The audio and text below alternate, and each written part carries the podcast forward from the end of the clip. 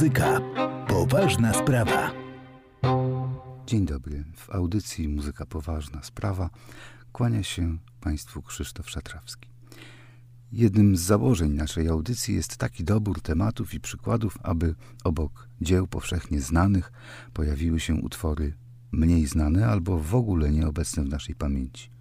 Przy okazji często okazuje się, że ścisłe klasyfikacje w muzyce mają ograniczone zastosowanie, a język, jakim się posługujemy, ujmuje tylko niewielką część zjawisk muzyki artystycznej. Z drugiej strony nie możemy zrezygnować z nazywania etykietowania i całej muzycznej terminologii, gdyż jej znajomość pozwala nam się porozumiewać. Powinniśmy jednak mieć świadomość, że kultura muzyczna w swym zróżnicowaniu jest zjawiskiem integralnym i wszystkie jej elementy składają się na tę wielką i piękną całość zwaną muzyką. Podział na muzykę poważną i popularną jest orientacyjny. W jednej i drugiej znajdziemy treści poważne i ulotne, a nawet mam wrażenie, że w muzyce poważnej jest jednak więcej momentów wesołych niż w muzyce popularnej. Muzyka popularna w większym stopniu podlega modzie, a przez to też szybciej ulega zapomnieniu. Na szczęście bywa i tak, że muzyka pełniąca funkcje rozrywkowe zajmuje z czasem miejsce w poważnym repertuarze. Zacznijmy od takiego właśnie przykładu. Kompozytor brazylijski Ernesto Nazaret skomponował ponad 200 utworów, z których większość łączy tradycję europejskiej muzyki salonowej oraz taneczne rytmy habanery, polki, lundu, walca, mazurka, tańca szkockiego i innych. Nazaret określał je terminem tango brazylijskie, co było pojęciem wprowadzonym przez Enrique Alves Dże Mesquita. E, do tej postaci wrócimy jeszcze w końcowej części audycji. Obecność elementów lundu, pieśni niewolników z Angolii, sprawiła, iż stała się ona poważnym wkładem w wytworzenie oryginalnego stylu muzyki brazylijskiej, określanego jako szoru. Muzyka Ernesto Nazareta, niezwykle popularna przed I wojną światową, z czasem stała się elementem tradycji, wchodząc do repertuaru koncertowego i nic dziwnego – zważywszy, że jednym z muzycznych idoli brazylijskiego kompozytora był Fryderyk Chopin. Posłuchajmy jego tanga Odeon. E, wykonawcą jest Arturo Moreira Lima, brazylijski pianista, którego w Polsce pamiętamy jako zdobywcę drugiego miejsca w konkursie chopinowskim w 1965 roku.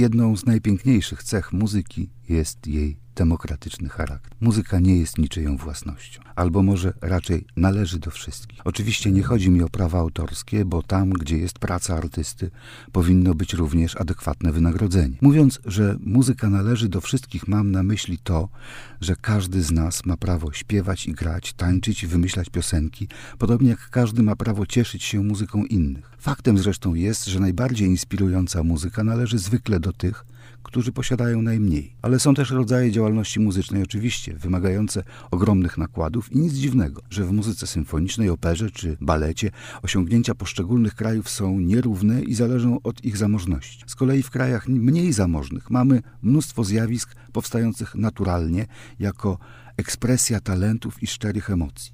Niezależnie jednak od polityki czy sytuacji ekonomicznej, muzyka jest wszędzie. Co więcej, każda kultura oferuje zestaw unikalnych cech, dzięki którym jest rozpoznawalna, a przez to także inspirująca dla innych. Muzyka brazylijska stała się rozpoznawalna właśnie dzięki szoru. To specyficzne zjawisko wykracza poza gatunki i style. Wywodzi się wprost z tradycji muzyki salonowej i nic dziwnego, że niektóre utwory Ernesto Nazareta zostały zaadoptowane przez ten gatunek. Posłuchajmy utworu Tenebroso w opracowaniu na gitarę Jorge Cardozo. Thank you.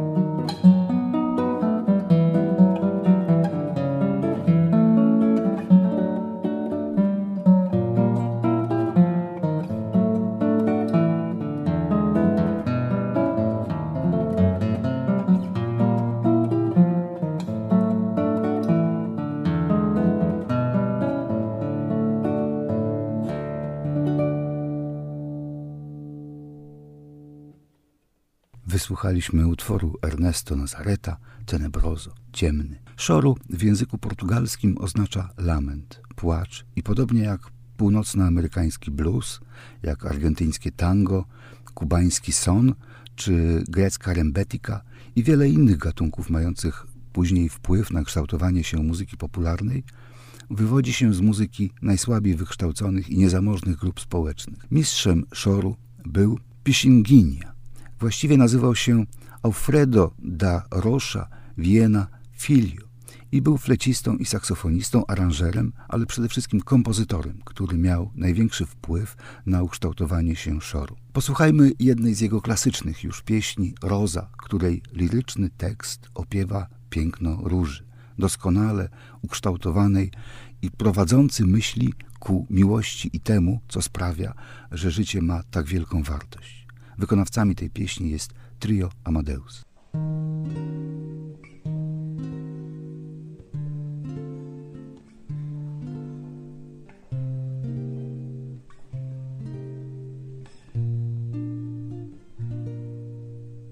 Tu és divina e graciosa, estátua majestosa do amor por Deus esculturada formada com ardor da alma da mais linda flor de mais ativo lor que na vida é preferida pelo beija-flor. Se Deus me fora tão clemente aqui neste ambiente de luz, formada numa tela deslumbrante pelo o teu coração, junto ao meu ansiado, pregado e crucificado sobre a rosa e a cruz do afante peito teu. Tu és a forma ideal, estátua magistral, alma perenal do meu primeiro amor, sublime amor. Tu és de Deus a soberana flor. Tu és de Deus a criação que em todo o coração sepultas o amor. Um riso aveiador enchendo a luz olentes cheios de sabor. Em vozes tão dolentes quanto um sonho em flor. És forte estrela, és mãe da realeza. És tudo, enfim, que tens de belo em todo o resplendor da santa natureza. Perdão. Se ouso confessar-te, eu hei de sempre amar-te. Ó flor, meu peito não resiste. Oh meu Deus, o quanto é triste a incerteza de um amor que mais me faz penar em esperar, em conduzir-te um dia ao pé do altar. Jurar aos pés do onipotente, em preces comoventes de dor e receber um som por tua gratidão. Depois de remir teus desejos em nuvens de beijos e de te envolver até meu padecer de todo fenecer.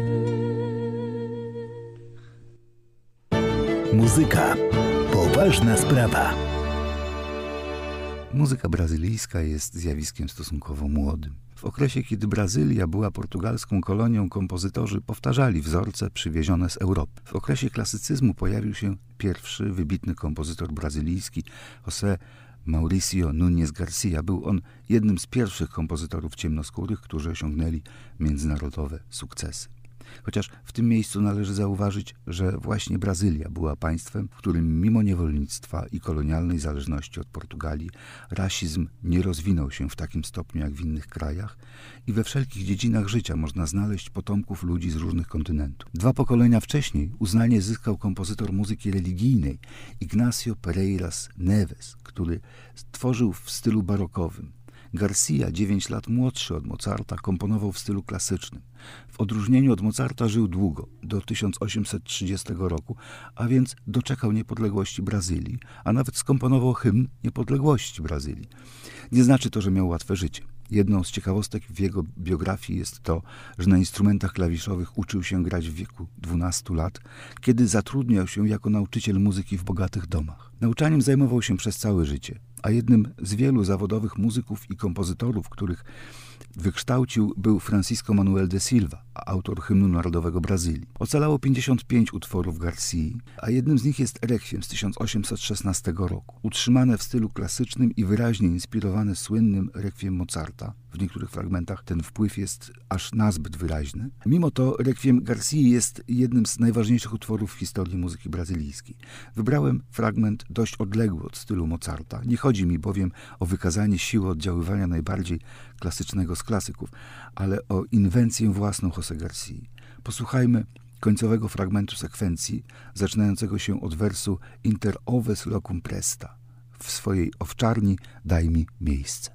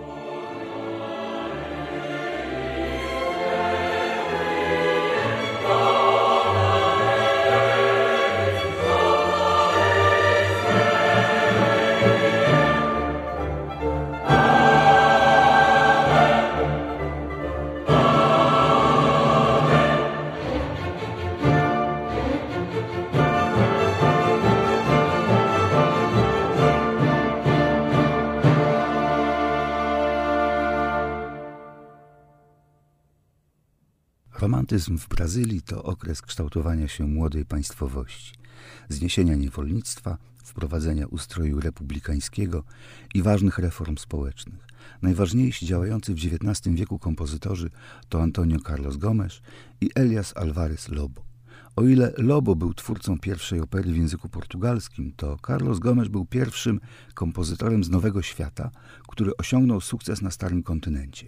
Jego opera Il Guarany o miłości księcia Indian Guarani i córki portugalskiego szlachcica została wystawiona w mediolańskiej Laskali.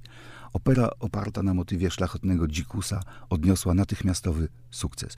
Giuseppe Verdi stwierdził, że jest świadectwem geniuszu kompozytora, a król Vittorio Emanuele II osobiście Carlosa Gomesza udekorował. Powodzenie w ojczyźnie opery, a także seria inscenizacji w najważniejszych teatrach operowych Europy zadecydowały o jego pozycji w rodzinnym kraju. W sumie Gomez skomponował osiem oper, a w jego dorobku znalazły się także liczne pieśni oraz utwory kameralne. Z jego sonaty na smyczki wybrałem część czwartą o charakterze wyraźnie programowym, gdyż nosi tytuł Buriko Jepao, co znaczy drewniany osioł. Wykonawcami jest kwarteto Bessler Reis.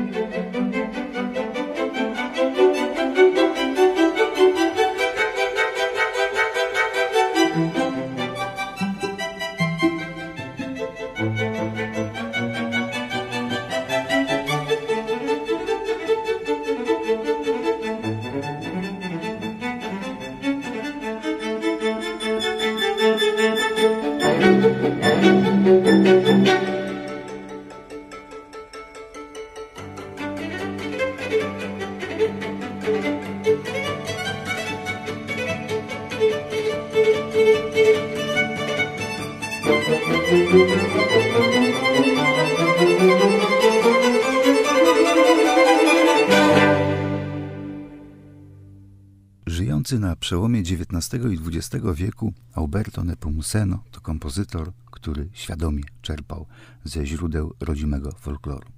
W historii muzyki brazylijskiej zajmuje zasłużenie wysoką pozycję nie tylko jako kompozytor, ale także jako wykonawca i promotor dzieł José Garcia. W jego muzyce wciąż jeszcze obecne są nawiązania typowe dla europejskiego romantyzmu ale to naturalne, skoro należał do tego samego pokolenia co Gustav Mahler. Stylizacje folklorystyczne były częścią romantycznej stylistyki i romantycznej ideologii, która w końcu XIX wieku przyczyniła się do powstania licznych szkół narodowych. Alberto Nepomuceno uznawany jest za najważniejszego kompozytora nurtu narodowego w Brazylii.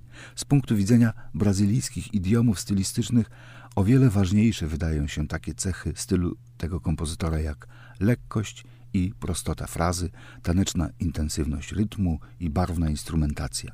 Wszystko to można usłyszeć w utworze o garaturze, preludium na orkiestrę symfoniczną. Posłuchajmy, jak preludium to wykonuje Orkiestra Filharmonii Minas Gerais, dyryguje Fabio Macetti.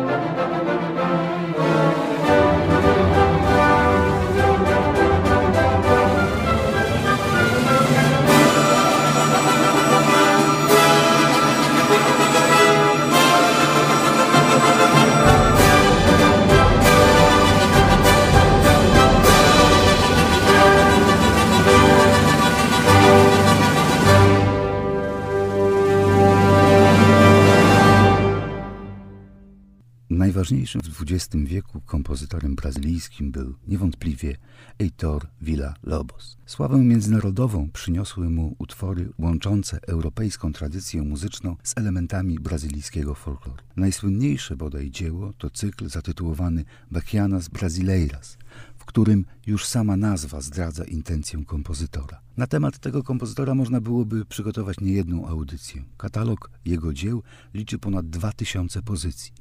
Dzisiaj jednak skupimy się na jednym utworze, na koncercie na gitarę i orkiestrę. Jest to jeden z najsłynniejszych koncertów na ten instrument, zamówiony przez Andresa Segowię, hiszpańskiego gitarzystę wirtuoza. Istnieje wiele nagrań tego koncertu. Wybrałem najnowsze, nagrane przez szwedzkiego wirtuoza Gorana Zelsiera i wydanej przez Deutsche Grammophon. Posłuchajmy pierwszej części tego znakomitego koncertu Allegro Preciso.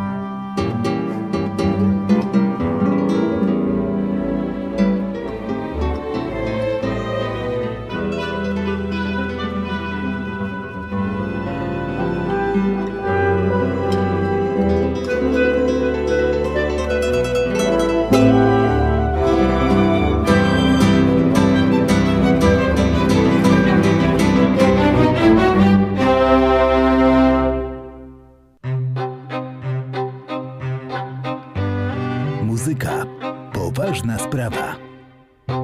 Do najważniejszych dwudziestowiecznych kompozytorów brazylijskich należał także Francisco Mignoni. Był też znakomitym dyrygentem, sławnym dzięki interpretacjom twórczości Heitora Villa Lobosa. Syn włoskich emigrantów, Mignoni, sławę zyskał jako 26-latek, kiedy fragment symfoniczny z jego pierwszej opery wykonała Orkiestra Filharmonii Wiedeńskiej pod dyrekcją Richarda Straussa.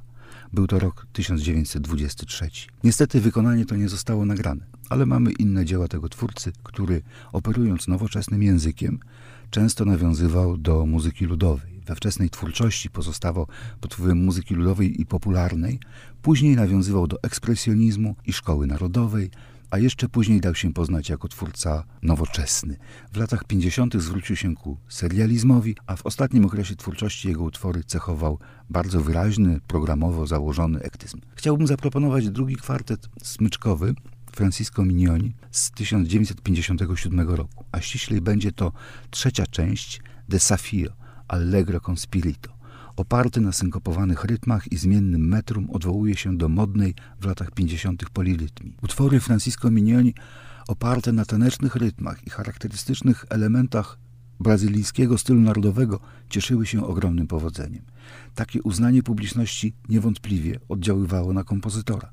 Z jednej strony mamy tu nieskomplikowaną, nawiązującą do idiomów ludowych melodykę, z drugiej kontrasty dynamiczne, dysonansową harmonikę i skomplikowane rytmy, które dają szansę zwielokrotnienia emocjonalnej intensywności utworu. Utwór zaczyna się w metrum 5 ósmych, jednak większa jego część napisana jest w zmiennym metrum 2 czwarte i 3 czwarte. Dzięki synkopom fragmenty na 2 czwarte wydają się najbardziej nieregularną rytmicznie częścią partytury. Utwór ten przypomina stylizacje ludowe Grażyny Bacewicz. W sumie to ta sama epoka, chociaż koncert na orkiestrę smyczkową Bacewicz jest jednak wcześniejszy o ponad 10 lat.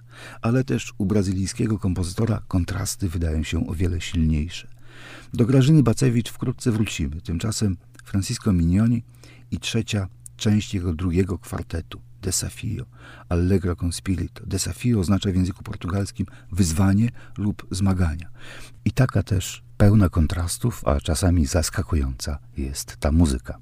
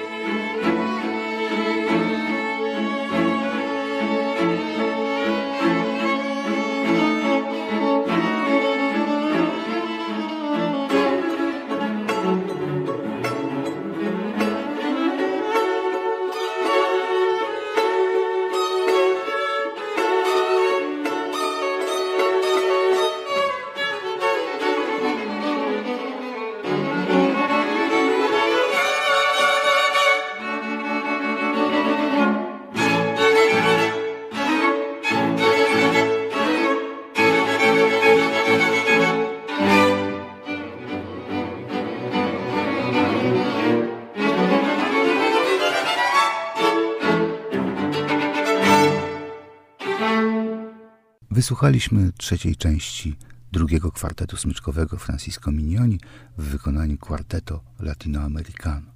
Pozostańmy jeszcze przez chwilę w kręgu muzyki Francisco Mignoni. Niezależnie od nurtu kompozycji koncertowej, w Rio de Janeiro rozwijała się bogata twórczość o bardziej popularnym charakterze. Oczywiście mam na myśli utwory należące do stylu szoru. Można byłoby je postrzegać jako kontynuację nurtu muzyki salonowej sprzed I wojny światowej. I wielu kompozytorów, w tym także minioni, komponowali w tym stylu miniatury, które często wchodziły do repertuaru instrumentalistów i wokalistów. Wbrew pozorom, nie była to twórczość uboczna. Utwory te były ważnym elementem życia i kultury, a wysokie wymagania dotyczące melodycznej finezji i emocjonalnej zawartości sprawiały, że ich miejsce w pamięci miało znaczący wpływ na kariery kompozytorów. Posłuchajmy walca numer 5 z cyklu Walsa de Esquina Francisco Mignoni w nagraniu kompozytora z 1938 roku.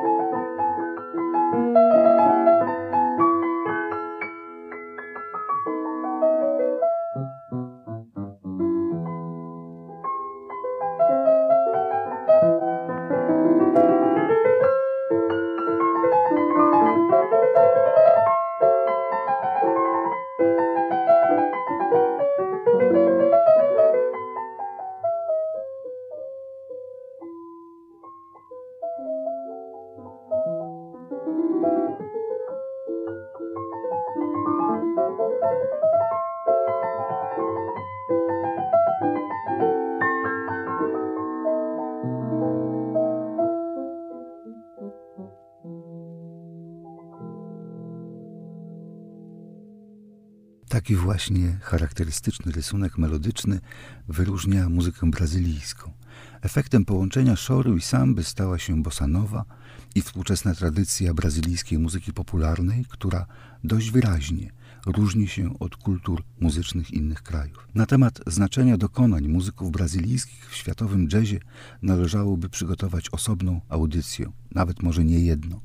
Brazylia w XIX wieku była państwem zamożnym. Miała bogate życie koncertowe, operowe, a jedną z cech kultury brazylijskiej był rozwinięty nurt muzyki popularnej. Dzisiejszy program zaczęliśmy od tango brazylijskich skomponowanych przez Ernesto Nazareta. Wspominałem, że termin tango brazylijskie wymyślił Eurique Alves G. Mesquita, XIX-wieczny muzyk, kompozytor, dyrygent, trębacz i organista. Brazylijskie tango określało lekką muzykę opartą na rytmie określanym w Hiszpanii i Francji jako habanera. W okresie działalności Enrique Alves de Mesquita była to muzyka wysoko ceniona. I możliwe, że dziś o niej zapominamy, bowiem nie mieści się w naszych schematach myślowych. Ale skoro tak, to może właśnie poza schematami powinniśmy szukać tego, co wartościowe. Posłuchajmy kompozycji Batuke Enrique Alves de Mesquita w wykonaniu zespołu Camerata Carioca.